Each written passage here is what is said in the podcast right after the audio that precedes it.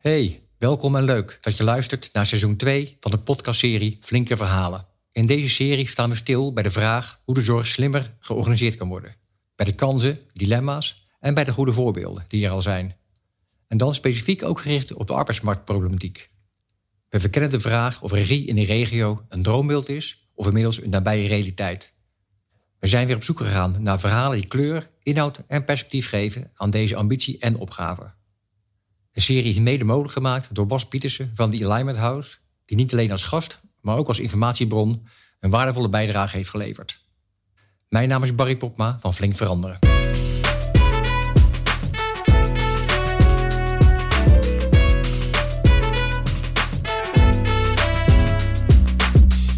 Hey Harry. Barry. Tof dat je er bent en ik ga je even voorstellen. Je hebt uh, geschiedenis gestudeerd aan de Universiteit van Utrecht. Ja. Bij Van der Dunk uh, was ik assistent en bij Maarten van Rossum. Kijk, die iedereen nu kent. ja. Mooi. Nou, je hebt een, uh, een, aantal boeken geschreven, onder eentje met een hele mooie titel. Uh, Think Like a Manager, Don't Act Like One. Nou, die komt vanmiddag in het gesprek nog even terug naar voren. Ik ken je als oud-directeur van De Baak. Daar heb ik al vroeger nog wel wat, wat cursussen gevolgd. En je bent nu directeur van je eigen bedrijf ITK International. Ja. Um, nou, je bent betrokken bij een aantal hele mooie initiatieven, waaronder het, uh, waaronder het ISVW, ja. de Internationale School voor Wijsbegeerte, uh, Dwarslopersfestival en zo maar een paar mooie dingen te noemen. Ja. Um, nou, in mijn voorbereiding Henri, heb ik een aantal uh, mooie uitspraken gevonden in archieven. Die je zo'n tien jaar geleden gedaan hebt. En nou, die ook wel een doorkijkje geven hoe je kijkt naar de samenleving, mensen en organisaties. En ik zou graag eens een paar van die oude denkbeelden een beetje terughalen. Om te kijken nou, welke waarden ze nu nog voor je hebben. En dit dan later in de context van... Goh, of en hoe moet eigenlijk de zorg uh, niet anders worden georganiseerd... op het vlak van arbeidsmarkt en regionale samenwerking. Nou, een mond vol. Maar voordat we de inhoud ingaan, Harry. Uh, je bent een vervent lezer. En in mijn voorbereiding zag ik dat je vroeger een fan was van een chameleon en van Arendsoog. Ja. Nou, dat bracht bij mij ook wel een paar jeugdherinneringen uh, naar boven... Um, waarom zijn die boeken zo lang bij je blijven hangen dat je ze nu nog wel recentelijk noemt? Nou ja, ik herinner me natuurlijk die, de gulzigheid. Ik was lid van de openbare bibliotheek in Baren. En uh, ik vond het geweldig om zo'n hele serie uh, te lezen. Uh, ik was ook wel gefascineerd voor het door het feit dat dat gratis kon. Dat, dat heeft mij nooit meer verlaten. Dus ik, ik, daar kan ik wel door gebiologeerd raken. Dus ik ik kon eigenlijk al die boeken lezen als ik ze, en je had een maximum, dus ik zat altijd aan de rand van dat maximum. En ik herinner me ook dat ik op de fiets, vlak voor sluitingstijd van de bibliotheek, nog even een nieuwe voorraad haalde. En ja, een, een serie is een soort van thuiskomen, hè, want er zitten heel veel dezelfde elementen in. En dat zie je nu bij Netflix weer. Uh, mensen komen graag thuis bij wat ze kennen en willen dan in het kennen weer verrast worden. Het is een beetje paradoxaal. He, dus daarom gaan we misschien ook wel bij organisaties werken. Mm. Dan kennen we het een beetje en dan hopen we wel dat we daarin weer een aantrekkelijke en verrassende baan hebben. Goede tijdschriften doen hetzelfde. Rubrieken die je onmiddellijk kunt opslaan. Dus wij willen en uh, thuiskomen en veilig zijn en verrast worden binnen die veiligheid. Zo verklaar ik die series. Het zijn allemaal katholieke boeken volgens mij, want ik zat bij paters op school. Dus uh, bij, in een jongensklas ook nog. Ja. Mooi. Ja, het zijn mooie boeken die uh, ja, in ieder geval iets, iets oproepen. En ik heb je volgens mij ook in de voorbereiding iets horen zeggen over de reis van de held. Ja. ja dat, uh, misschien ja, het oorverhaal natuurlijk. Hè. Daar, daar komt de naam van mijn bedrijf ook vandaan. Ja. Dat uh, ja, de, de held gaat uit, doet zijn dingen een keer terug. En ik ben nu uh, op de terugkeer. Hè. Dus ik heb mijn, uh, mijn beperkte grootste dingen wel gedaan, denk ik. Maar je hebt je anker nog niet uitgegooid, toch? Nee, ik ben wel op, ik ben op weg naar huis. En ik, ik weet niet of je de Odyssee kent, wat ja. Ithaca doet, de thuisreis van Odysseus. Ja, onderweg maakt hij van alles mee. En ja, hij wordt wel bedreigd gedurende die reis. Hè, want je hoopt dat dat een lange reis naar huis is. Maar hij wordt bijna altijd bedreigd als hij in slaap sukkelt. En uh, dat overkomt ons allemaal. Hè. Het is heel lastig om wakker te blijven. Dus als je in slaap sukkelt, even niet oplet... dan gebeuren er dingen waar je weer wakker door wordt. Dat gebeurt mij ook. En is dat dan ook uh, misschien wel een, uh, soms een zegen... om even verrast te worden in je, in je dutslaapje? Ja, dat je, weer, dat je er weer even bij bent. Dus de, de, het, de neiging om in comfort te gaan raken, wat, waar elk mens ook recht op heeft, en zeker als je hard gewerkt hebt, ik heb hard gewerkt, dan is het toch wel fijn als je af en toe even Dat geldt ook, uh, ook, ook voor, eigenlijk voor alle dingen dat je een soort contrapunt nodig hebt. Je hebt uh, dalen en pieken. Je wilt eigenlijk uh, alle twee meemaken, in rust zijn en tegelijkertijd verrast worden. Al die paradoxen die ik al noemde met die ja. serie, die zijn ook kenmerkend voor een enigszins gezond en gelukkig leven. Ja, dus altijd aanstaan is net zo niet productief nee, altijd als, aanstaan zo vreselijk als, als indutten. Ja, ja, precies. En je hebt obsessies waarbij je altijd aanstaat. Hè? Dus zo herken je een obsessie ook. Als je, ik heb dat nu met, met die verkiezingen, Amerikaanse verkiezingen, die in deze periode. Dit is natuurlijk een podcast voor de eeuwigheid. Maar uh, in deze periode vinden die verkiezingen plaats. En dan kijk je eigenlijk, uh, luister je naar nieuws dat je al uh, een paar keer hebt gehoord. Dan sta je eigenlijk te, te open en te wakker. Dan komt er eigenlijk niks nieuws bij. Maar dat is een beetje verslavingsachtig gedrag. En verslaafden genieten over doorgaans ook niet van waar ze aan verslaafd zijn. Dat is de tragiek ervan. Nee, die moeten bevredigd worden, maar er zit geen Maar er zit nee, een alcoholist, de, voor een alcoholist is uh, alcohol niet lekker. Nee. Dat kunnen wij ook natuurlijk hebben. Dat je na een tijdje denkt, het smaakt me eigenlijk niet, maar kan er niet vanaf blijven. Nee, boeiend. Ja. Hey, en over oud en nieuw gesproken, hè? over nieuwe ja. denkbeelden en, en vroeger. Hè? Je roots liggen in de geschiedenis en het bestuderen daarvan. Ja. En je hebt wel eens gezegd, een boek is net een paraplu die je met je meeneemt. Ja. En je gaat nooit zonder naar nee, buiten. ik heb er nu weer een bij me. en dat betekent nog niet dat je hem gebruikt. Maar de veiligheid van een boek... Nu met je telefoon kun je natuurlijk ook altijd lezen.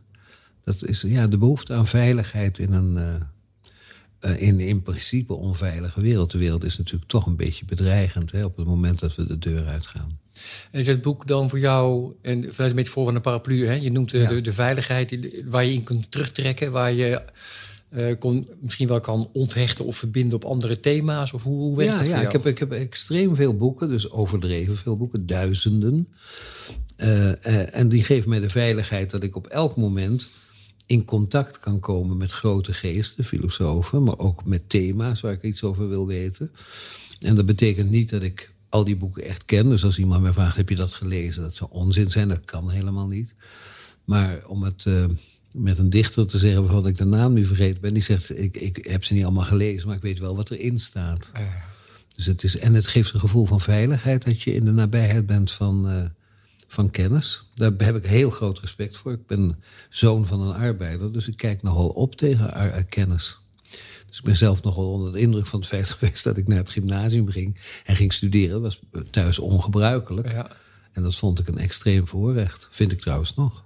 En wat, welke veiligheid ontleen je dan aan kennis, Harry?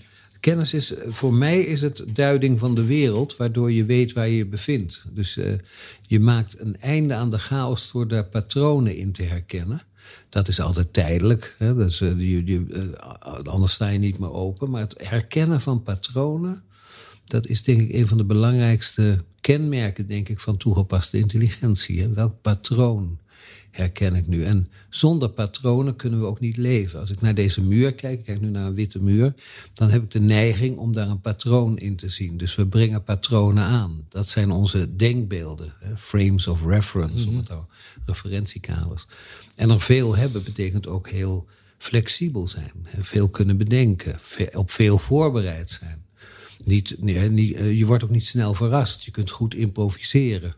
Dus ik hoef me, omdat ik relatief veel lees, ook niet zo ontzettend voor te bereiden. Dat is dan ook weer zo'n paradox. In mijn werk heb ik me nooit zo hoeven voorbereiden, omdat ik mij goed op de hoogte hield. En dat ja. is toch iets anders dan wanneer je dat niet doet. Dan moet je ook op elke taak goed voorbereiden. Dat hoefde ik, misschien is het arrogant, niet zo te doen. Ik, ik was eigenlijk voorbereid omdat mijn hele leven bestond uit lezen en om me heen kijken en duiden. Ja, in die zin geeft het uh, overzicht. Ja, en, en veiligheid weer. Ja, en ook rust. En ook improvisatievermogen. Je hebt veel dingen al eens gehoord. Of je hebt er al over gelezen.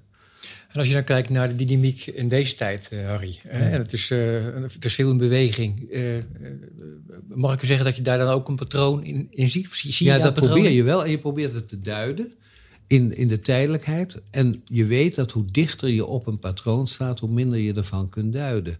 Dus we hebben nu te veel informatie, we zitten er te dicht op. Dus elke historicus weet, hoe verder af, hoe meer je weet wat er eigenlijk aan de hand was of zou kunnen zijn. Maar doordat je dat vaker hebt gedaan, ga je wel kijken van wat, wat soort regelmatigheden herken ik nou? Wat voor eerdere gevallen heb ik nou meegemaakt? Waar doet dit nou aan denken?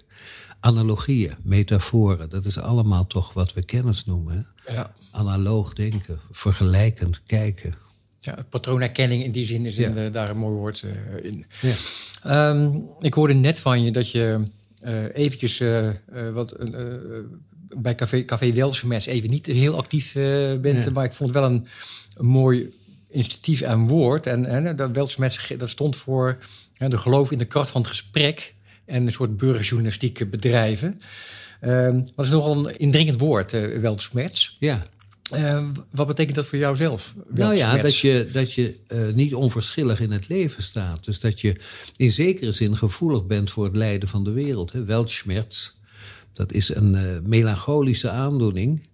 die je zou kunnen vergelijken met een zekere diepgang...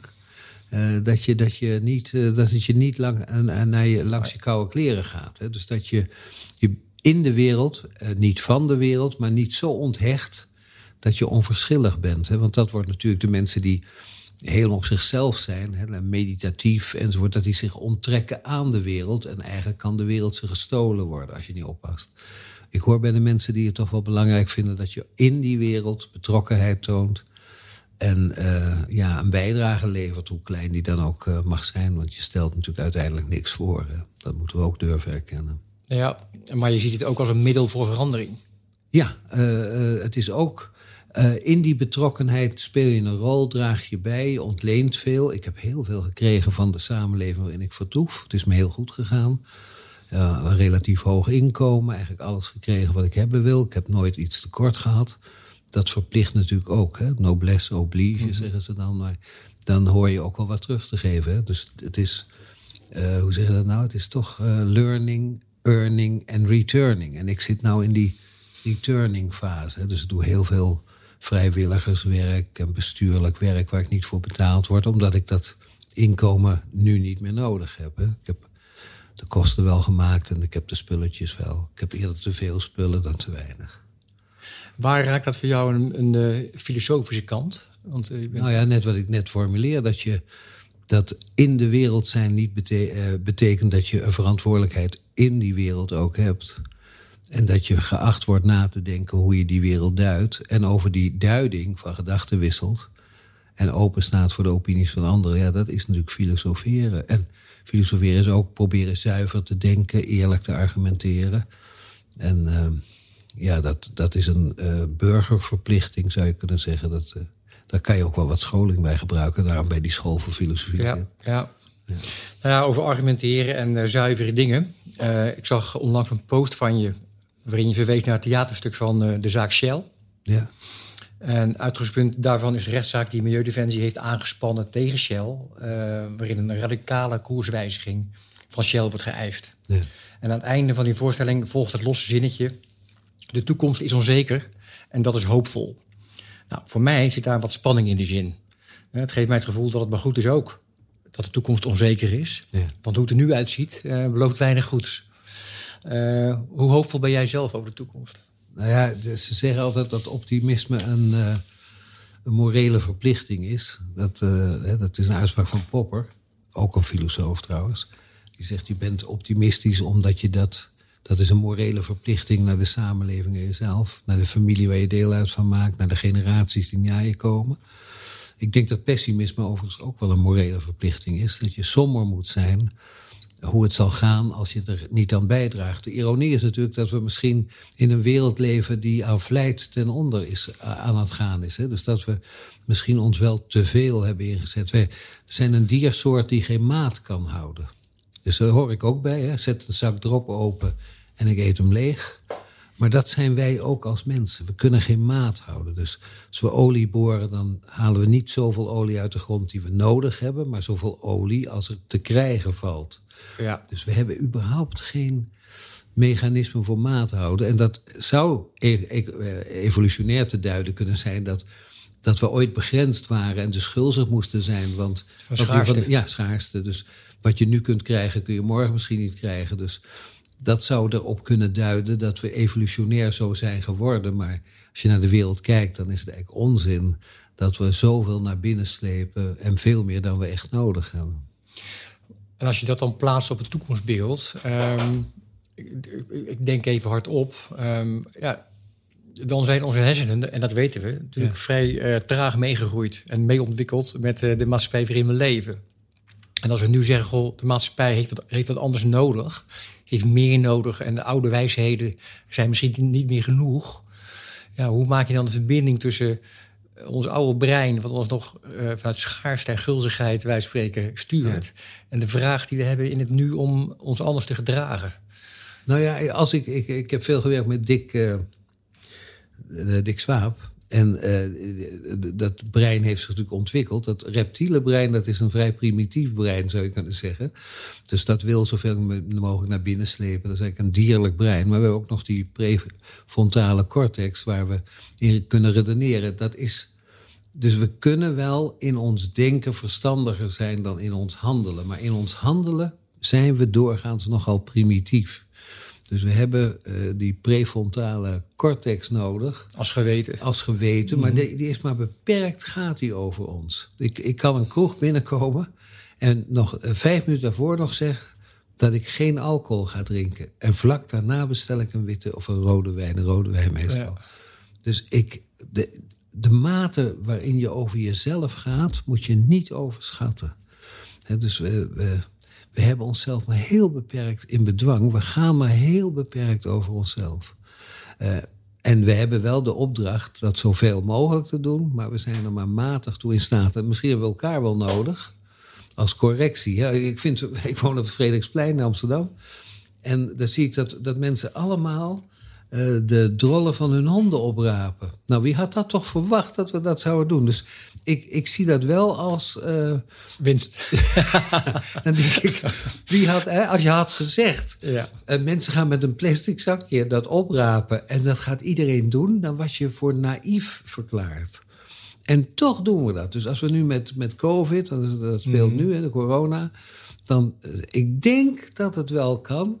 Maar dat het niet meevalt. Maar ik ben elke keer, ik zit wel zo'n baasje. Ik heb zelf geen hond, maar ik kijk er dan naar. Ik, ik, ik woon er aan, aan het plein. En dan soms denk ik, ja, die man gaat dat niet oprapen of zo. Dat, hij is alleen, niemand ziet het. Eh, het is in de bosjes. Het, ik moet eerlijk zeggen, dat is een projectie van mij. Uh, het doet ook geen kwaad als het dan bij een plant is, zou ik mhm. denken.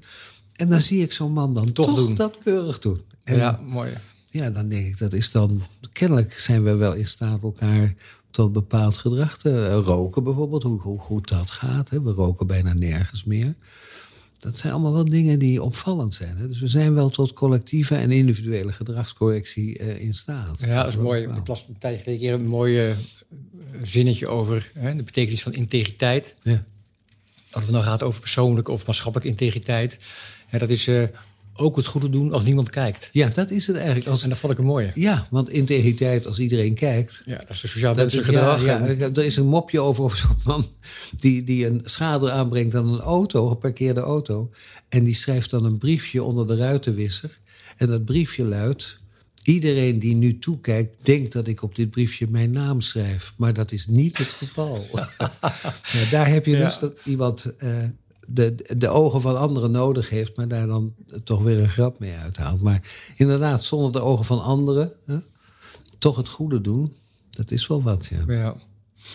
Hey, en heb jij als uh, geschiedkundige... Doe jij dat? Doe nou, jij dat? Ben jij, mooi. Zou jij ehm, jezelf als integer omschrijven? Ja, kijk, het, het, het, fijne antwoord is natuurlijk ja. Maar ik kom met regelmaat, uh, heb ik een soort zelfcorrectie van... oh ja, ja, opletten. Of nu even. Nu even niet. Dit is niet goed. Ja. ja. dus ik ben niet uh, altijd helemaal 100% zuiver op de graad. Nee, ik, ik moet ook wel eens corrigeren. Teruglopende auto ja. alsnog netjes neerzetten. Ja, precies. Want, de, of het is maar voor 10 minuten. Of niemand ziet het. Of uh, hoe, hoe, hoe, hoe kan het. Ja. Um, een beetje sjoemelen doen Een beetje sjoemelen wel. Maar ik, ik vind het altijd wel een weer een soort overwinning op mezelf. Je bent wel trots als je het doet. Ja, exact. Als ik dan weer gedaan heb, oh ja. Als iedereen dat nou doet, en, als ik, ik, en ik wat vaker ook. En dat geeft toch een. Ja, ik heb het idee dat het toegeven dat het niet moeiteloos is, al een hele stap is. Want om nou te zeggen, ik ben het vanzelfsprekend. De integriteit gaat me vanzelf af. De waarheid spreek ik altijd. Dat is allemaal uitgezocht. Dat is niet waar. Nee. We jokken wat af. Ja. ja. Maar jij, jij zit natuurlijk, jij wil natuurlijk vragen stellen, maar dit was er één tussendoor. Nee, ik vond het heel mooi. Ja. Ehm, heb je als geschiedkundige en, en, filosoof ehm, het idee dat lessen uit het verleden nog voldoende garantie geven voor de toekomst? Nou, kijk, de, de, de geschiedenis herhaalt zich, maar wel telkens anders. Dus ook daar geldt dat de patronen wel inzicht geven, maar de herhaling niet plaatsvindt. Dus als mensen roepen, je leert van de geschiedenis omdat die zich herhaalt, dat is niet waar. Maar je kunt wel patronen zien, daarmee uh, uh, wat minder snel verbaasd zijn over hoe zich iets ontwikkelt. Dus je kunt wat meer in scenario's denken. Hoe zou het kunnen gaan? Hoe is het eerder gegaan? Dus het, het geeft je wel meer ruimte voor mogelijke verhaallijnen. Uh, en dan niettemin uh, is de optelsom toch vaak verrassend of net anders dan je had gedacht. Daar hebben we elkaar voor nodig natuurlijk. Maar de patronen, de achterliggende uh, regels, dat, dat blijft wel interessant om daar naar te zoeken.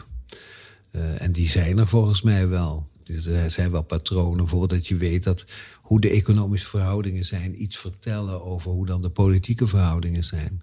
Dat verband is wel, hè, dan, dan weet je met welke groepen gaat het goed. Waar dat hoor je nu ook in de interpretatie van politieke verhoudingen. Dat we daar dan allemaal naar gaan. Met wie gaat het goed, met wie gaat het beter, wie hebben politiek uh, of economisch de macht. Die hebben toch ook vaak politieke macht. Dus uh, ja, dat soort inzichten zijn toch wel van belang, denk ik. Hoeft niet iedereen te hebben, want je kunt ook gewoon leven zonder de wet van de zwaartekracht te kennen. Mm. Want die ervaar je dan gewoon. Wat erachter zit, hoef je niet altijd te weten om toch te kunnen functioneren. En als ik daar nou een kleine knuppel in de hoendok gooi. Um... Is het een klein hoendok? Ja, een kleine, kleine knuppel. maar zou het dan ook kunnen zijn dat we, omdat we hebben willen leren van het verleden en de patronen denken te kennen, um, dat we dan daarmee ook in stand houden wat alles was? Weliswaar misschien met een variatie op het thema, maar uh, ik vraag dat omdat uh, een paar podcasts terug hadden we Pieter Mary in de, in de uitzending. En die zei van, goh, hè, er liggen ook uh, antwoorden in de toekomst. Ja. ik vind past, dat in jou, past dat in jouw denkbeeld? Nee, maar ik, daarom vind ik het wel zo interessant. Want ik denk dat wat je niet begrijpt, is natuurlijk de moeite waard. En dit begrijp ik niet meteen natuurlijk. Hè. Dus ik, Pieter Mary neem ik heel serieus. Dus dan denk ik, och, dat is interessant dat je dan denk dat je vanuit de toekomst iets kunt weten. Dus dat, dat ja, ik, vind, ik kan het nog niet helemaal volgen. Maar ik vind het een interessante gedachte. En hij is ongebruikelijk. Hij, eigenlijk zou je kunnen zeggen dat hij door zo te denken al illustreert dat de dingen anders kunnen gaan dan je van tevoren weet. Zou je ook vanuit de toekomst, hè, we, we spreken ook wel eens over backcasting, dus niet forecasting, maar backcasting. Dus daar associeer ik het mee. Dus ik probeer meteen te kijken, kan ik zo'n denkbeeld nou in een patroon duiden, in een achtergrond. Maar echt begrijpen doe ik het niet. Dus ik, ik, ik wil nu wel met Pieter Mary praten. Ja, nou, dat kan ik voor je regelen. Ja, ja dat is Hey, je hebt ook wel eens gezegd, een van die uitspraken uit de oude doos, dat we komen uit een tijd waarin de focus lag op persoonlijke ontwikkeling. Ja. En dat het de vraag is hoe we, hoe we de nieuwe ik uh, in verbinding gaan brengen met de nieuwe wij. Ja. Uh, zijn we daar naar jouw idee in geslaagd de afgelopen tien jaar? Want het is tien jaar geleden dat je dat zei. Ja, nou daar, daar, ben ik wel trots op. Want ik wil nu zegt de premier het ook, Mark Rutte. Geschiedenis gestudeerd trouwens. Maar we hebben, ik heb meegedaan in die persoonsgerichte, bijna uh, uh, ja, hoe heet dat, vieren van de persoonlijke ontwikkeling van het ik. Dus je had ook mensen die zeiden: Ik ben zo druk met het universum in mezelf. Ik kan eigenlijk met daarbuiten uh, nauwelijks. ik heb geen tijd voor daarbuiten. Ik ben een wonder en universum in mezelf. Dat is wel zo. Maar um, ik denk dat onze grote uitdagingen nu eerder in het wij, wie zijn wij, gemeenschapsvorming, betrokkenheid op elkaar, dat die eigenlijk nu tekort zijn gekomen in het vieren van het ik. Dus je zou kunnen zeggen, dat is ook weer een patroon, dat we als we iets ontdekken, dan gaan we daar te ver in. Wij kunnen geen maat, houden. Dus, ja. dan, dan vinden we onze persoonlijke vrijheid zoveel belangrijk. Dus in verhoudingen geven mensen een verhouding op omdat ze tekort komen. Dat ze niet zichzelf kunnen verwezenlijken uh, bij de ander. Terwijl ja, we komen uit een tijd dat het huwelijk geven en nemen was. En ja, niet, allebei waren ze niet zo gelukkig, maar ja, er was geen alternatief. Naar dat we nu eisen dat we gelukkig zijn. En ook geen dag te weinig. Eh, want dan kan ik niet meer bij je blijven. Dat heeft ook iets tragisch. Hè? Dat je niet meer door de pijn heen gaat. Maar dat je onmiddellijk denkt, dan moet ik het eens met een ander gaan proberen. Ja, ik zag pas een mooi fotootje van twee oude mensen. Uh, gefotografeerd vanaf de rug. Ja. Met een zin eronder van... Uh, vroeger repareerden wij dingen. Ja. En je zag die twee oude mensen in hand in hand, uh, ja, wat voorovergebogen, nog gelukkig samen. En ja, vroeger repareerden we dingen. En, en dat, ik spreek toch heel veel mensen, ik ben natuurlijk ook wat ouder, die zich afvragen of ze wel, hè, of ze niet wat meer hun best hadden moeten doen voor de relatie die ze hadden. En dat ze die te snel hebben geruild voor een andere. En misschien daarmee weer hetzelfde probleem ontmoeten dat ze daarvoor niet hadden opgelost. Dus dat is een beetje ironisch. Dat je iets niet oplost in de eerste relatie, om die daarna weer in de tweede relatie als probleem terug te krijgen. Dus het heeft iets tragisch dat wij van het een naar het ander gaan zonder dat we echt goed nadenken misschien, of goed voelen of doorzetten. Maar zeker weet ik dat natuurlijk niet. Ik praat natuurlijk ook een beetje, ik zoek een beetje en tast een beetje in het donker. Ja, mooi. Ja, Harry, als we dan eens een sprongje maken naar de zorgsector. Ja. En specifiek naar de arbeidsmarkt daarin. Um, nou, er wordt nu heel veel gesproken in Nederland over uh, het anders organiseren van de zorg, waarin de regionalisering en de arbeidsmarkt hele belangrijke thema's lijken te zijn. Wat maakt naar jouw idee dat hier nu zoveel over, over wordt gesproken? zie je daar ontwikkelingen, zie je daar nou spanning? ik ben mijn carrière begonnen bij het Het Beterschap, heette dat. Dat was een beroepsvereniging voor verpleegkundigen. Ik heb ook in de Nationale Raad voor de Volksgezondheid gezeten in die periode. Te jong toen misschien, maar wel heel leerzaam daarom. En het is een soort, ja, we noemden dat de varkenscyclus. Dat is, er zijn te veel verpleegkundigen, te weinig verpleegkundigen. Dus er is een proces of een, iets wat van alle tijden is. Te veel, te weinig. En we, we, hebben uitstoot van verpleegkundigen gehad. Dat zijn we weer vergeten. Maar 30.000 het vak uit en dan 30.000 daarna tekort. hebben we ook met tandartsen gedaan. Dus we hebben... Wij kunnen niet tegen um, te veel of te weinig. Wij willen meteen precies goed. Dus we zijn misschien wel te perfectionistisch. Uh, en we overdrijven ook dat matchen op de arbeidsmarkt. De helft van de conservatoriumstudenten gaan niet de muziek in. Ik vind dat totaal niet erg. Want het is heerlijk om te werken met iemand die een muziekinstrument bespeelt, weet wat noten zijn, akkoorden enzovoort.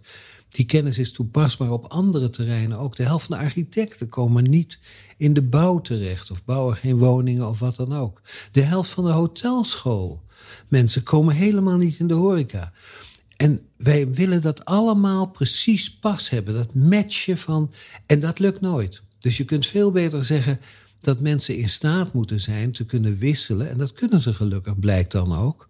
Uh, en dat blijkt nu ook als er onder hoge druk ineens verzorgenden nodig zijn. En we ineens durven toe te geven dat meer mensen dat kunnen dan gediplomeerd zijn.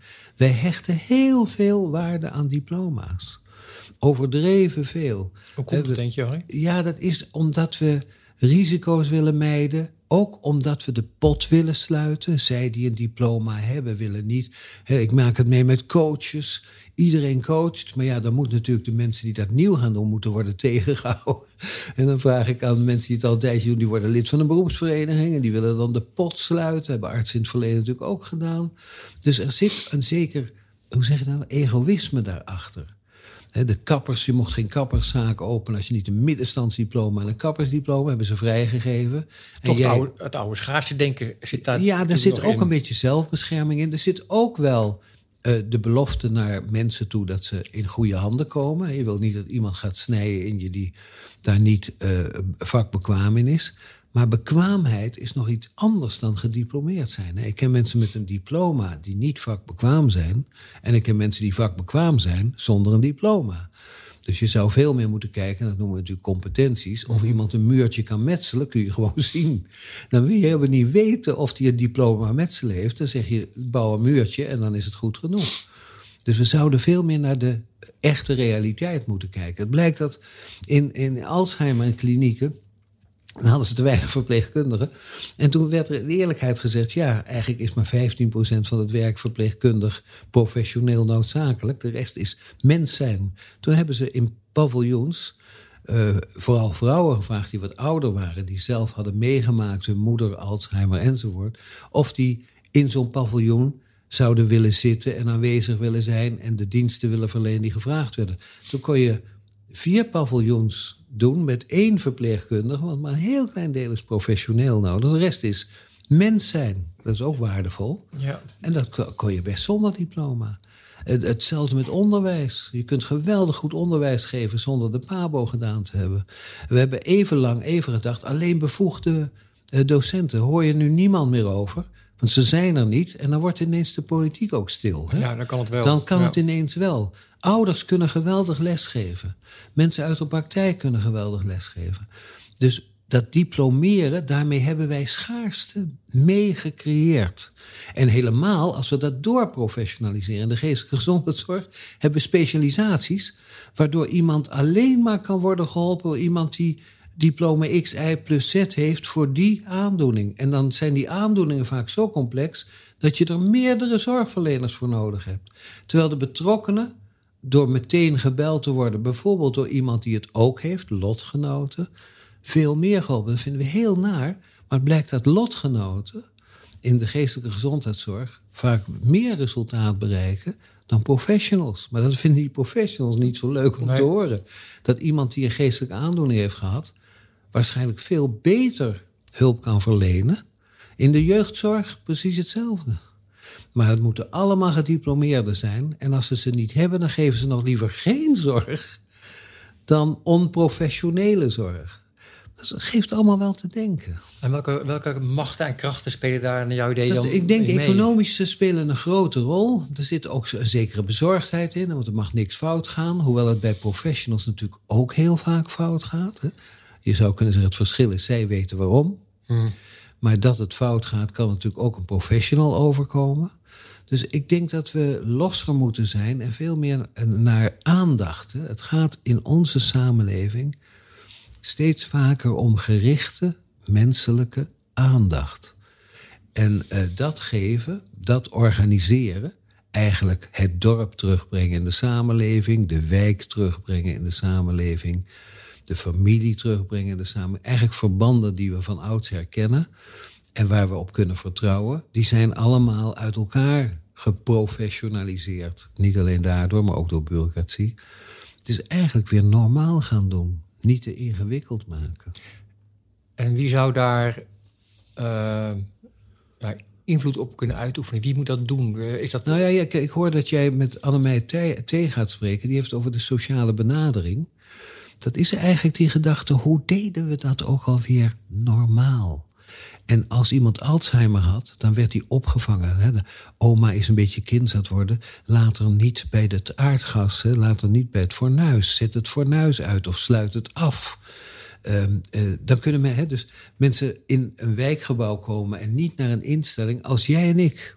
Eh, en dan laat ik over mezelf praten. Ik ben dan wat ouder. Als je mij in een hospitaal zet, in een vreemde omgeving, witte muren, ik herken niks, dan raak ik de weg ook kwijt.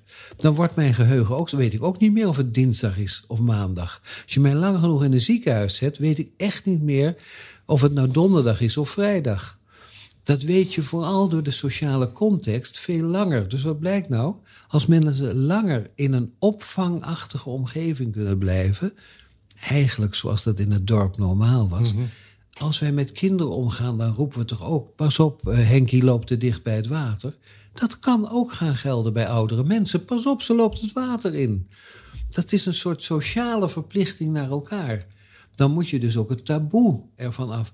Dat geldt ook voor geestelijke aandoeningen. Wij kunnen, wij kunnen niet meer tegen, wij noemen dat verwarde mensen. Hè? Mensen met een ja. andere logica Ja. dan wij. Een waarschijnlijk groot probleem nu, hè? Ja, maar dat is, dat is zegt natuurlijk minstens zoveel over ons. Als, Ja. als er iemand staat te schreeuwen op de, op de straat, dan willen we dat hij onmiddellijk wordt opgepakt. Omdat wij ons bedreigd Ja, voelen. we kunnen niet tegen. Eh, eh, nee, we kunnen er ook niet tegen als iemand op een bank gaat liggen. In Amsterdam liggen er allemaal manieren om te zorgen dat mensen niet op een bank wel kunnen zitten, maar niet kunnen liggen. Omdat we dat geen gezicht vinden. Omdat we elkaar de ruimte niet gunnen. Waar voelen we ons dan in bedreigd, denk je? Eh, het- ja, onze goederen. We zijn natuurlijk burgers. Dus ik, ik, ik, ik zat in zo'n WhatsApp-groepje. Dat is bijna altijd leiden tot eigenlijk gewelddadige uitspraken. Zo'n WhatsApp-groepje. Want de spullen moeten worden bewaakt. En ik vond even leuke dingen. Dat een van die mensen waarmee ik die WhatsApp-groepen... die had gezegd... loopt al voor de tweede keer een onguur type langs onze fietsen. Ja, ik vond het wel geestig om te zeggen, dat was ik. Eh, ja, en ik scheer me niet altijd. En ik, eh, bedoel, omdat ik niet naar werk hoef, vaak veel meer vrije tijd. Dan loop ik ook wel eens in een broek die niet door het werk bedoeld zou zijn. Ja, dan ben ik een onguur type. En dan liep ik al twee keer langs de fietsen. Kun je daar we bang voor zijn? hè? Loop al, hij loopt al voor de tweede keer langs onze fietsen. We zijn natuurlijk bange mensen met elkaar. Ja, het voelt ook zo als ehm, dat onze bandbreedte klein geworden is. Waarin we kunnen bewegen. Alle ongerechtigheden, als je landt op Schiphol zie je het al. Wij kunnen heel slecht tegen afwijking, tegen ongerechtigheid, tegen iets wat niet past. Dus what harm can be done als iemand schreeuwt op straat. Als, als je iemand psychotisch hoort zijn en je loopt ernaast, dan had hij ook met iemand kunnen telefoneren. Ik bedoel ermee, ik, ik zie nu mensen op straat heel uitgebreid oreren. En dan denk ik, die is psychotisch. maar die is gewoon aan het bellen. Ja, precies. dus, en als wij onze geestelijke activiteit uitspreken, wat we niet gebruikt zijn te doen, dan hoor je de werking van het brein. Dat is vaak niet zo heel anders bij de psychoot dan bij degene die dat binnenhoudt. Van ze moeten er wat aan doen en ik lijk wel gek en mijn zoon denkt en ik ga erover bellen. Als ik dit allemaal uit zou spreken, dan heet ik meteen een verward persoon, terwijl ik het allemaal wel denk. Het verschil tussen mij en de ander is, de ander heeft die remming niet die wij sociaal aanvaardbaar gedrag noemen. En we zijn streng voor elkaar. Och, we zijn zo streng voor elkaar. En hoe veranderen we dat dan? Want eh, dat heeft een andere mindset en een mindshift ja, nodig. Hè? En dat komt eraan. Hè? Die zei uh, Jeronet, die ik dan toevallig ken, die praat over compassie in het uh, strafrecht. We, zijn, we willen straffen, we willen corrigeren. We zijn, en dat is allemaal, ik noem dat geprojecteerde angst. Dus het mhm. gaat erom dat wij onze eigen angst gaan adresseren. Waar ben ik nou zo bang voor? Waar ben ik nou zo boos over? Dus het heeft te maken met wij botvieren onze emotie op de samenleving. Wij menen dat onze boosheid onmiddellijk gelegitimeerd is. Ik kom wel in discussies tegen dat iemand tegen mij zegt: Hier word ik heel boos over. Alsof ik daar verantwoordelijkheid voor draag. dat jij boos bent op mij betekent niet dat ik jouw boosheid veroorzaak. Dat denk jij. Maar je veroorzaakt je eigen boosheid. Dus wij kunnen boos worden voor om woorden. Dus we kunnen bang zijn voor een mes, maar we zijn in staat om iemand te vermoorden als hij het verkeerde woord gebruikt. Dat, dat zegt iets over wie wij zijn. Dat een woord kan uitlokken tot moord. Tot ik, ga, ik maak je af. Dat, de, en dat zien we op internet natuurlijk heel duidelijk. Waar mensen achter een muurtje, vaak anoniem, kunnen laten zien wie ze zijn en waar ze bang voor zijn. Want het is natuurlijk allemaal, het zijn over het algemeen, als je eenmaal met die mensen in gesprek gaat, hele aardige mensen die mhm. de vreselijkste dingen doen. Hè? L'enfer c'est les autres, zei Sartre. De hel zijn de anderen. Maar we kunnen niet zonder elkaar. Dus de ironie is, alleen zijn we niks, maar samen zijn we nog dreigender. Zo'n horde hooligans, nou dat is oppassen. En het is een spirituele ervaring. Want als je met mensen spreekt, dat zijn vaak mensen die van maandag tot vrijdag keurig werken. maar die willen. Je hebt iets nodig. Je hebt iets nodig. En het is ook een geweldige sensatie voor mensen die dat meemaken. De hartslag gaat synchroniseren. Boem, boem, boem, boem. Je wordt een kudde. Het, hè, iedereen die wel eens in een demonstratie heeft gelopen, die voelt ook hoe prachtig dat kan zijn. Of heeft toegejuicht bij Ajax, voel je bijna hetzelfde. Dus dat is ook een spirituele. Het is psychologisch heel bevredigend. Die lopen, hooligans lopen door hekwerken heen. We kunnen, hè, dan durven we ook alles. En een hekwerk valt om, uh, voelen geen pijn. Je ziet ze soms al met bebloede koppen. Ze voelen niks. Dat is wat emotie voor ons kan doen. Dus we moeten ook durven zeggen: hoe vinden we wegen om die bevrediging te vinden mhm. zonder elkaar schade te berokkenen? Want het moet kennelijk een kant op. Ja, en hoe breng je dat nou vanuit verschillende werelden en identiteiten die mensen hebben. Hè? Eh, de, de, dat is de, rol van de politiek en van leiderschap is dat we veel vaker zouden moeten. Zo'n grapperhaus die dan uh, hele menselijke dingen doet, maar tegelijkertijd streng blijft. Hè? En eigenlijk niet hoort wat hij zegt, hè? ASO's, en dan ben je er zelf heen. Dan zou je toch gewoon moeten zeggen: kijk nou wie ik ook zelf ben. Hè? En dan eigenlijk moet je gewoon zeggen, en een grote mond over anderen. Och, och, och, wat is er met me aan de hand? Ja, zeg je daar dan ook mee van, goh, daar moeten we ook eh, begrip voor hebben, compassie voor hebben. Want Ja, eh, het is ja. ook maar een Het mens. gaat, compa- gaat om compassie, maar het gaat ook om compassie van deze man. Ja. Dat hij eigenlijk zegt: Dit wijst mij erop dat ik niet zo'n grote mond moet hebben. Ja. Dat ik niet zo stevig over anderen moet oordelen. Kijk, wij zijn onze oordelen. Kinderen worden 2000 keer getest in het onderwijs. En we wat hebben we gecreëerd? Bange leerlingen. Ze zijn bang voor de schriftelijke overhoring, bang voor het schriftelijke onderzoek, bang voor de overhoring. We hebben een heel angstige klas. Kun je zeggen, daarmee bereiden we ze voor voor een angstige samenleving. Dus wij, wij adresseren de angsten niet. Maar als in, als in de maatschappij de politiek daar iets aan moet doen of kan doen, eh, wie, dan is, ligt het voor de hand dat de leiders van instellingen eh, Ja. dat voor hun en met hun instelling en hun mensen moeten Ja. doen. En dat betekent eerlijkheid, dus dat ze hun eigen angsten durven uiten. Ik ik weet wel dat ik dacht wel eens, bij de Baak heb ik een tijd leiding gegeven. Dan dacht ik, waarom ben ik bij Vlagen zo streng en zo.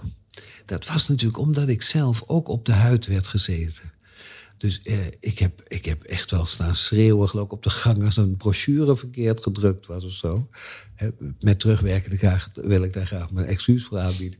Maar ik kon dat niet relativeren. En ik ben dus ook dreigend geweest voor andere mensen. Dat moet haast wel. Je wordt ook geen directeur als je alleen maar een lieve man bent. Maar ik was natuurlijk zelf ook weer bang voor zo'n raad van toezicht. En ik was ook weer bang voor mijn reputatie. En ik vond het ook heel vervelend als het niet goed met het bedrijf ging. Want dan had ik, ging het hè, voor het oog niet goed met mij. Of was ik niet succesvol. Had het je geholpen als je toen de, de kracht had gehad om dat uit te spreken? Ja, en ik denk dat ik, eh, dat ik eh, niet een heel zwaar geval van fout was. Maar dat ik in ieder geval daardoor wel kan voelen dat als, als ik mensen soms hoor praten, denk ik, och, hoe, hè, hoe tougher they speak, hoe, eh, hoe, hoe banger ze zijn. Hè, hoe, dat dat, dat mensen die psychologisch eh, stevig zijn, die zijn in het algemeen in mijn beeld soft and firm. Dat kan alle twee. Zacht en stevig. En stevig, dat weet je ook als, als eh, ouder. Je kunt zacht van je kinderen houden, zeg ik hou van jou, ik vind je lief, vind je leuk. Maar dit mag niet. En dat betekent dat je het alle twee kunt laten zien. Firm, soft and firm. Ja. Ja, dat zou mijn ideaal zijn voor een samenleving en voor ons gedrag naar elkaar. Soft and firm, stevig. Ongeacht de positie. Ja, en in eerlijkheid en ook, ja, het, het is allemaal modieus gezegd, kwetsbaar. Dus dat je daarmee ook laat zien. Fouten maken mag in elk geval, maar niet toegeven dat je ze maakt is natuurlijk veel erger dan de fout die je maakt. Hè? Dat, Ja. is, dat zie je in al die politieke drama's ook. Wat er eh, gaat iets fout, maar het veel erger is als je het maskeert. Dus we moeten ook dat stoppen met dat maskeren van al die fouten. Wat mooi is, als ik nou zo naar jou luister en eh, je noemde ook het woord aandacht. Ja. Ehm, nou, ik heb niet geturfd, maar in de laatste tien podcasts is dat, dat denk ik het woord wat de gasten eh, allemaal het meest genoemd hebben. Ja. Aandacht. Ja, luisteren, eh, de ander zien. Hè? Het is gezien, het is niet onopgemerkt gebleven. Het ergste wat je een ander mens kunt aandoen, is de ander te negeren. Dat is een vorm van marteling. Hè? Dus als mensen zich. Want wij weten, als we uit de groep raken, dan gaan we dood. Ja, worden uitgestoten. Uitgestoten, dus het ergste, dat is ook een gevangenis. Het uitstoten is de grootste. En daar dreigen we ook mee. We dreigen elkaar voortdurend met uit. Dus, de- we maken grappen over ontslagen. Je gaat eruit. Mensen zijn met banen, zijn heel vaak bang. Eh, als ik met ze sprak, dan hadden ze een baan. En in de ogen van anderen hadden ze het goed. En soms heel hoog, hè? heel hoog in de organisatie.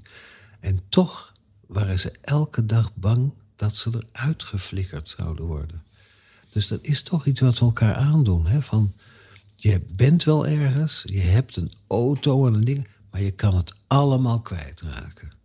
Ja, dat levert hele angstige mensen op. En voor mensen die studeren, bijvoorbeeld, die kijken dan en denken, nou, die is binnen. En dan denk je, och jongen, het werkt net andersom. Als student was je vrij, want je had weinig te verliezen. En dan krijgen mensen heel veel. En dan worden ze... hè, wij, wij vrezen verdriet veel meer dan we winst of winnen nastreven. We zijn banger voor verlies dan we zijn voor winst. We onthouden verlies op aandelen meer dan wat we ermee hebben gewonnen. Als je nu aan mensen vraagt als hun huis minder waard wordt, dan weten ze precies hoeveel minder. Ja. Ze zijn vergeten dat dat ooit meer waard werd. Dus we zijn, ja, we zijn bange, bange wezentjes. En dat durven we niet eh, toe te Niet, toe te geven. Want als we naar die arbeidsmarkt gaan hè, en het gesprek daarover in, de, in, de, in, de, in, de, in de maatschappij nu. En jij do- doet een soort pleidooi van laten we de diploma's natuurlijk waarderen wat ze zijn. Ja. Maar tegelijkertijd het mens zijn eh, weer meer introduceren. Ja, en de bekwaamheid ook durven zien. Dat je zegt, die kan dat goed. Eh, dus die mag dat doen. En dat je, eh, hoe zeg je dat, ontheffing geeft. Of zegt, hè, we, deden dat bij, bij eh, Cruijff toch ook ooit. Hè? Ja. Die hoefde toen geen diploma te halen. Omdat iedereen wel voelde, Die, die kan dat. die kan dat. Dus Ja. waarom moet zo'n man nog door een hoepeltje springen? En ik denk dat er heel veel mensen op kleiner, lager niveau iets kunnen waarvan je eigenlijk zou kunnen zeggen: ze gewoon toegeven dat hij of zij dat kan. Ook omdat sommige mensen met die gekke eisen aan bijvoorbeeld rekenen of taal er nooit bij zullen horen. Ja, maar Omdat- ook, niet, ook niet in de stress raken als het dan een keer fout gaat. Ja, En dat hoort er dan ook bij. dat, en dat, en dat, hoor- ja, dat zal niet meevallen natuurlijk, want we zoeken vaak een schuldige en niet eh, hè, de oorzaak van een ding, maar weer. hè, kan er dan de, die neiging tot schuldig verklaren, tot straffen, ja, dat is iets heel primitiefs. Hè? Iemand moet gestraft. En naar die arbeidsmarktproblematiek, hè, want dat is wat ik nu met een aantal mensen ook aan het verkennen ben. Van, hè, eh, aan de ene kant zeggen we, de, de vijver is eh, overbevist. Ja. Ehm, Jongeren zijn op.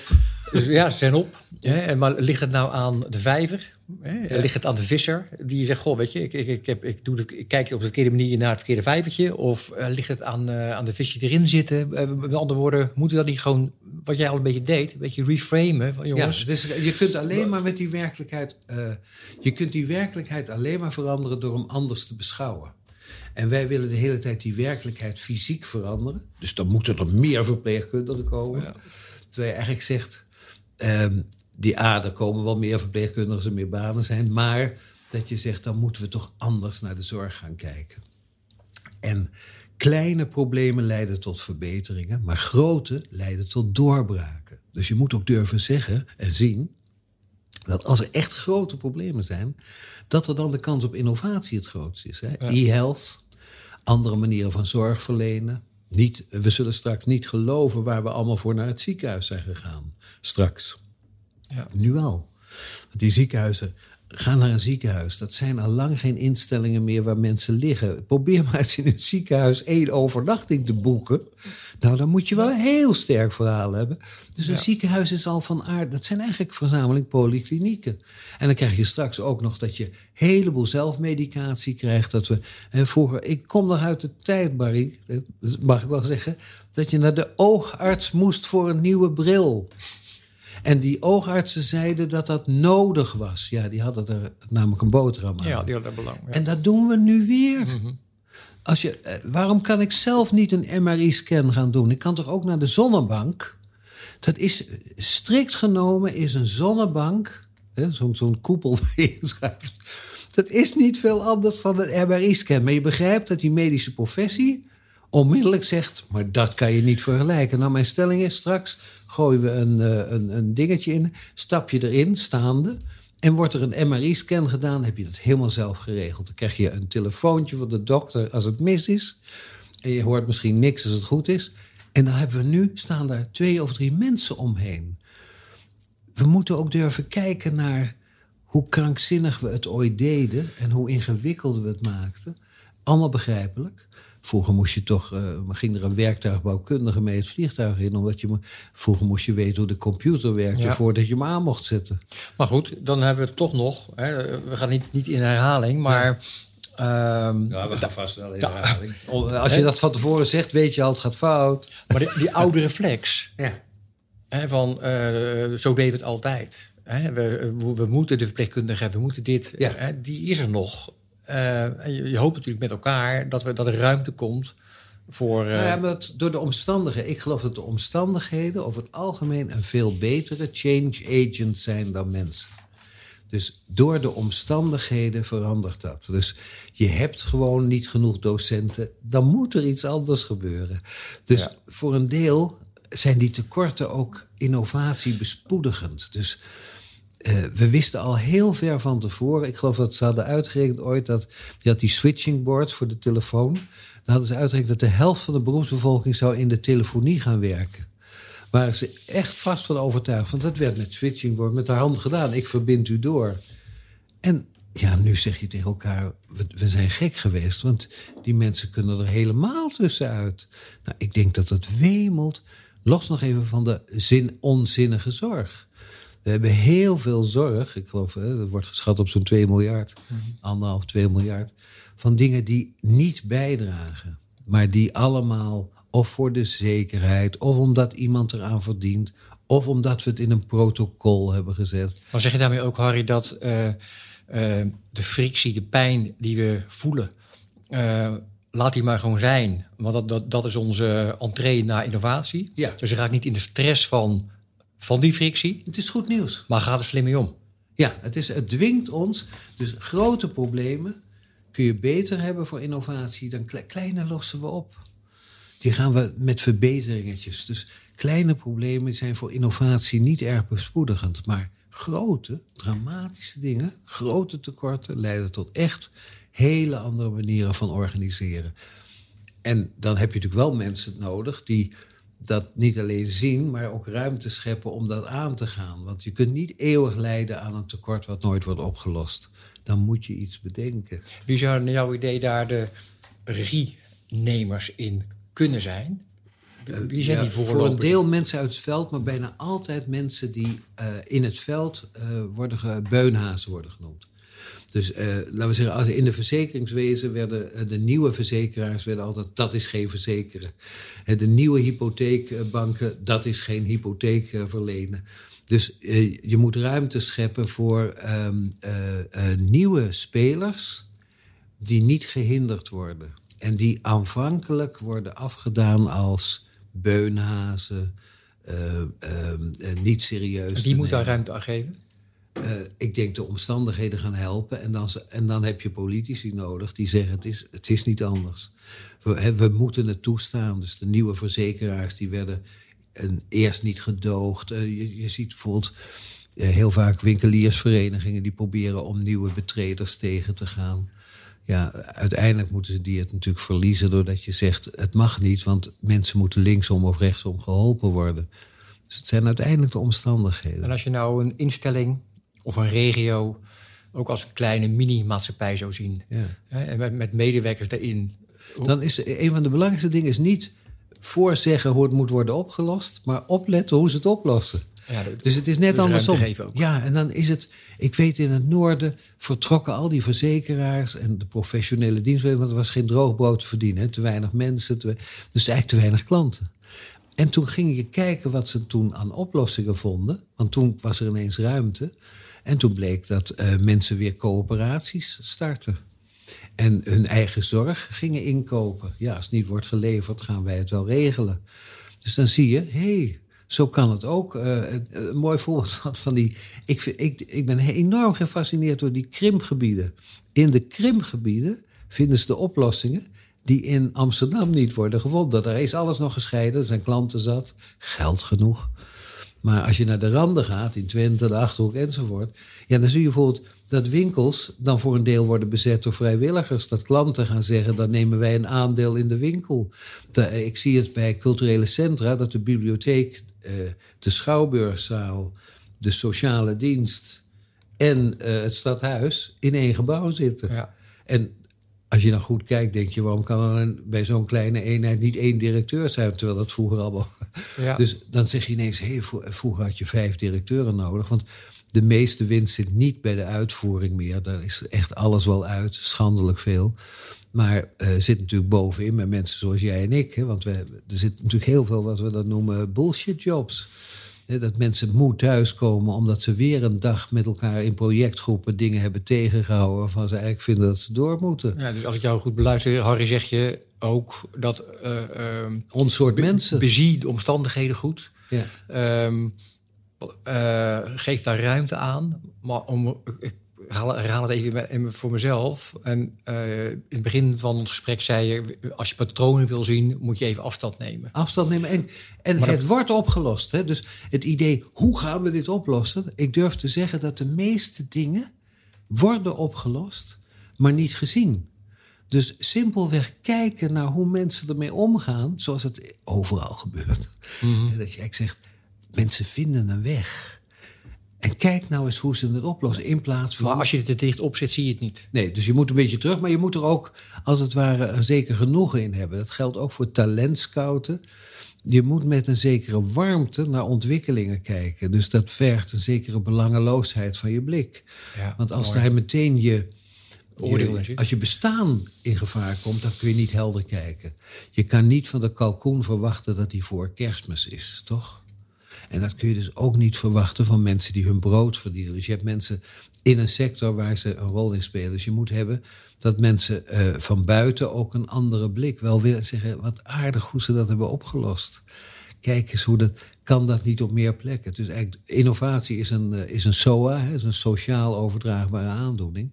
Dus uh, als er ergens besmetting nodig is, is het bij innovatie gewoon doorvertellen. Ja, maar dat betekent dat je ook en programma's als dit, hè, mag je hopen. Ja. Hè, dat, Ik denk dat dat een van de redenen van de podcast is. We willen leren, horen. En dan komen we op ideeën en dan komt het vanzelf in orde. Dat hoef je niet van bovenaf door één geniale... Nee. Eén geniaal brein kan niet wat wij met elkaar zijn. Hè, opgeteld zijn we een geniaal brein. Ja, daar moet je ruimte aan geven. En, en, en, ja. ja. Mooi. Hey Harry, ja. Uh, we moeten bijna gaan eindigen. Dus ik heb ja. een, tenslotte een stukje tekst uit Ithaca. Ja. Met een afsluitende vraag te, daarover. Uh, houd Ithaca wel altijd in gedachten. Durf aan te komen is je doel. Maar overhaast je reis in geen geval. Het is beter dat die vele jaren duurt. Zodat je, als oude man, pas bij het eiland het anker uitwerpt. Rijk aan wat je onderweg verwierf. Zonder te hopen dat Ithaca je rijkdom schenken zal. Ieder gaf je de mooie reis. Was het er niet, dan was je nooit vertrokken. En verder heeft het je niets te bieden meer. En vind je het er wat boven? Ieder bedroog je niet. Zo wijs geworden, met zoveel ervaring. Zul je al begrepen hebben wat Idika's beduiden. Je hebt vast niet voor niets je bedrijf zo genoemd. Ja, uh, de reis en de ervaring. Wat, welke boodschap op, de reis uh, zou je ons luisteraars en ons willen meegeven? Nou ja, we zijn op weg naar uh, een hopeloze uh, bestemming, hè, de dood. Ithaca is natuurlijk de absolute leegte. Er is niet wat je dacht te vinden. maar de reis er naartoe is de boodschap die je in het leven te vervullen hebt. Dus het, ja, het is een beetje flauwe uitspraak, maar de reis is het doel. En waar je aankomt is de dood, is de absolute leegte in mijn beeld. Uh, en dat je dat een lange reis uh, wilt hebben, dat is omdat je natuurlijk heel graag wilt genieten van dat leven zoals het zich aandient. Uh, maar niet vanuit de gedachte dat je iets bereiken zult dat uh, voor altijd is. ik ben erg gedreven door de gedachte dat ehm, we er keihard tegenaan moeten, maar dat het niks voorstelt. Het gaat uiteindelijk, Barry, Allemaal voorbij. helemaal nergens over. Het is de mythe van Sisyphus. We, duwen de bal omhoog de berg op en s'nachts rolt hij weer terug. En de volgende dag gaan we opnieuw er tegenaan. En in die mythe van Sisyphus zegt Camus... en toch moet je Sisyphus, dus die die hopeloze taak heeft, voorstellen als een gelukkig mens. Want zonder die arbeid had hij geen betekenis. Tussen wieg en grafbarie moeten we wat. Ja, betekenis geven. Betekenis geven, je best doen. Maar in de vallen overtuiging dat het uiteindelijk ultiem helemaal niks voorstelt. Ik vind het een mooi einde, dat ik even figuurlijk. Dankjewel, Harry.